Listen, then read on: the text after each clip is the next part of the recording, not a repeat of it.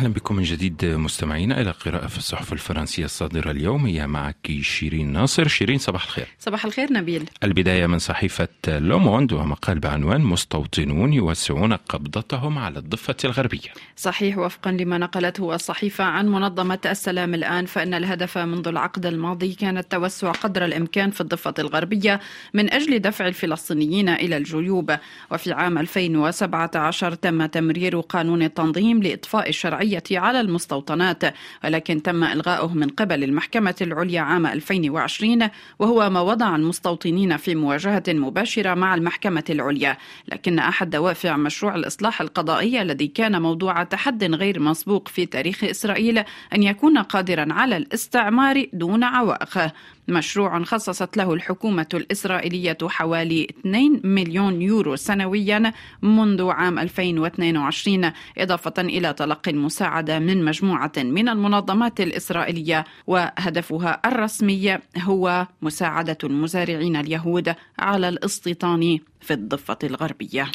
نبقى في لوموند ولكن حول حرص أوكرانيا على الحفاظ على وحدتها بعد رحيل زالوجني.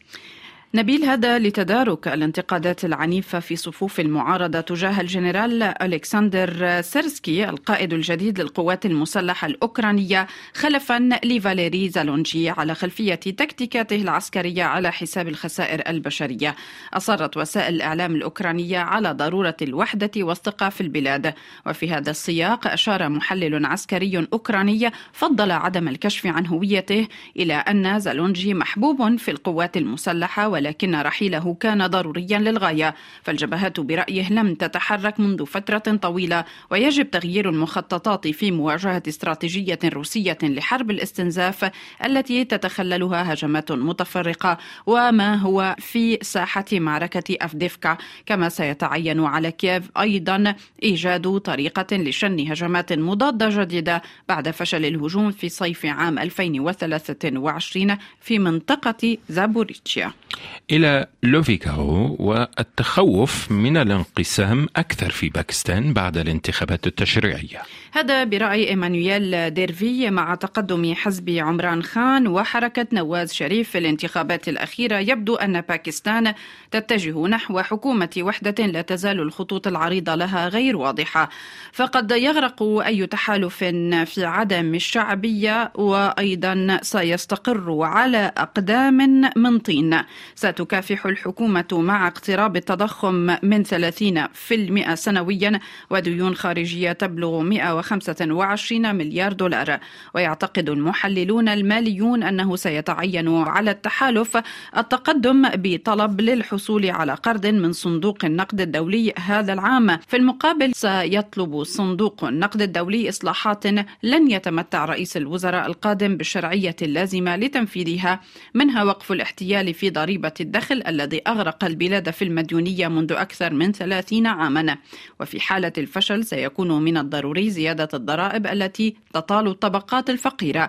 وهذا يكفي لتأجيج الغضب الذي كان يغلي منذ فترة بين السكان. وبالتالي ستكون هشاشة الحكومة الباكستانية القادمة أكبر بكثير. في ميديا بارت كيف يستغل المرشحون للرئاسة الأمريكية الموسيقى؟ نعم في الحملات الرئاسية الأمريكية نبيل من المعتاد أن يجد المرشحون مقطوعة موسيقية لتمييز دخولهم على خشبة المسرح أمام الجمهور. الكلمات ليست العنصر الوحيد الذي يعطي الأغنية بعدا سياسيا. تلاحظ دانا غورزيلاني موستاك وهي أستاذة في كلية جورجيا في حديثها لميديا بارت. فيجب على على المرشحين أن يأخذوا في الاعتبار تاريخ المترجم ودلالات أسلوب العمل ومجتمعات المعجبين المرتبطين به والأهمية التي اكتسبها في وسائل الإعلام. وفي الواقع يعارض العديد من الفنانين استخدام إبداعاتهم لأغراض سياسية خاصة من قبل المرشحين الذين لا يشاركونهم مواقفهم. ولكن في الولايات المتحدة لا يحتاج المرشحون إلى طلب موافقة الفنان لأداء عملهم في اجتماعاتهم. فهي مشمولة بالترخيص العام الممنوح للمكان الذي يعبرون فيه عن أنفسهم كالفنادق والملاعب ومراكز المؤتمرات حسب ما أوضحته جولي جرادنبرغ المحامية المتخصصة في الملكية الفكرية لميديا بارت نختم مع لا كروا شيرين هل يمكن لإنهاء حق المواطنة بالولادة في مايوت تغيير واقع الهجرة؟ أثناء زيارته لجزيرة مايوت أعلن وزير الداخلية الفرنسي جيرار دارمانان أنه لن يكون من الممكن أن تصبح فرنسيا إذا لم تكن أنت نفسك طفلا لوالد فرنسي تدبير قد يسهم في تحقيق الهدف المنشود وهو الحد من الهجرة إلى جزيرة مايوت في المحيط الهندي بحسب أحد أعضاء الوفد المرافق لدرمنا الذي أوضح أيضا أن شرط قبول الإقامة في مايوت سيكون عائليا بشكل أساسي. لذلك تعتزم فرنسا الاعتماد على التدابير التي تم تحديدها بالفعل في قانون الهجرة مثل تشديد شروط لم الأسرة ومعايير الحصول على لقب والد طفل فرنسي والذي يمكن تعزيزه في قانون مايوت المتوقع في الأسابيع المقبلة. وتسلط الحكومة الفرنسية الضوء على أن ثلاثة أرباع الأطفال المولودين في الجزيرة عام 2021 هم من أمهات أجنبيات وهو أحد العوامل الرئيسية لما يسمى بالجاذبية إلى مايوت. إلا أن عضو الاتحاد القضائي في مامودزو آه، ألين شارون ترى بأن هذا الإجراء لن يحل شيئا ولن يقلل من عدد الوافدين بل سيزيد من هشاشة الشباب في وضع غير نظامي وهو أمر خطير جدا على الجميع. شكرا لك شيرين.